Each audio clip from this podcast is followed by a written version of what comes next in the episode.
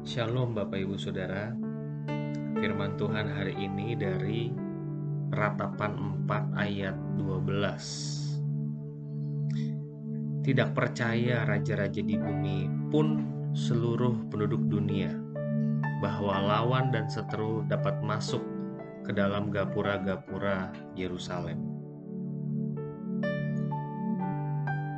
Ratapan adalah sebuah kitab yang ditulis oleh Nabi Yeremia Kitab ini adalah ratapan dari sang nabi melihat kehancuran Yerusalem. Miris rasanya membaca kitab ini. Dikatakan di ayat 3 misalnya bahwa serigala memberikan dirinya kepada anak-anak serigala supaya anak-anak serigala bisa menyusui. Tetapi putri bangsaku menjadi kejam terhadap anak-anaknya sendiri saya bisa membayangkan maksud Yeremia. Serigala yang adalah binatang saja tahu bagaimana berbuat baik kepada anak. Sedangkan orang Yehuda, umat pilihan Allah, tidak mampu melakukan yang baik pun kepada anaknya sendiri. Bahkan kalau kita membaca terus kitab ratapan, kita menjumpai bagaimana Israel memakan anak-anaknya sendiri. Saking kelaparannya mereka, mereka tega memasak anak-anaknya sendiri. Saya sungguh berduka membaca ratapan 4 ayat 12. Gapura-gapura Yerusalem yang dibanggakan.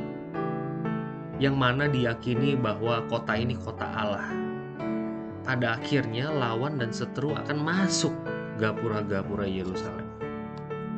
Peristiwa ini membelalak mata banyak orang betapa mengerikannya murka Allah kepada umatnya sendiri.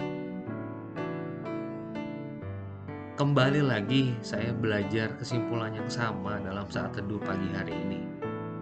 Murka Allah yang besar dikarenakan pengabaian cinta kasih Allah yang akbar. Anda bisa membayangkan seorang istri yang suaminya berselingkuh, betapa sakit hatinya. Yang menangis bertahun-tahun bahkan ada yang sampai 10 tahun. Ia harus hidup dalam kasih dan pengampunan yang harganya sangat mahal. Kita harus menghargai setiap cinta kasih. Jangan mengabaikan segala bentuk kasih karunia atau kemurahan Tuhan. Cinta kasih yang Allah berikan mengandung tuntutan supaya kita juga mengasihinya dan hidup di dalam perintah-perintahnya saya merefleksikan juga di sini bahwa kita sebagai orang tua harus mengasihi anak dengan cinta kasih yang demikian. Cinta kasih kita bukan sekedar cinta kasih. Kita mengasihi anak kita supaya ia belajar untuk menghormati orang tua dan hidup menaati kedua orang tuanya.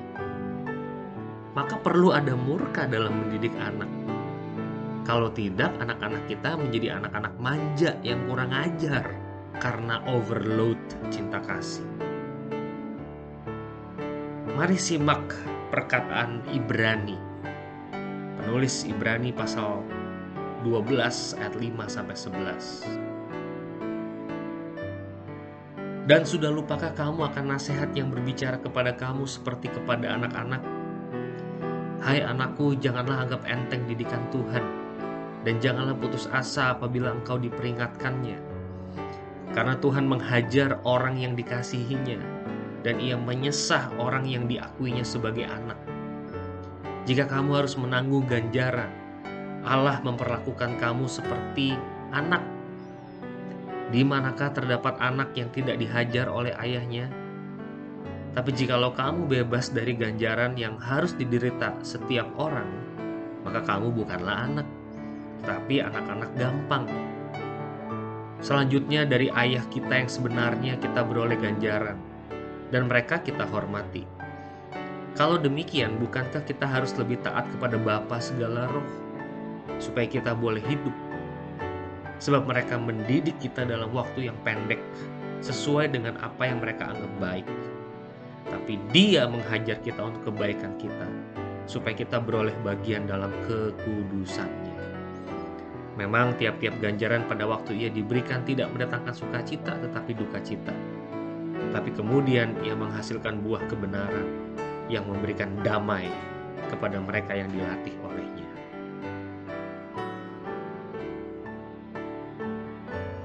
Bapa berikan kami hati untuk menjalani proses hidup bersama dengan Engkau. Sehingga kami sadar bahwa apa yang terjadi hari ini sesungguhnya supaya kami menghasilkan buah-buah kebenaran.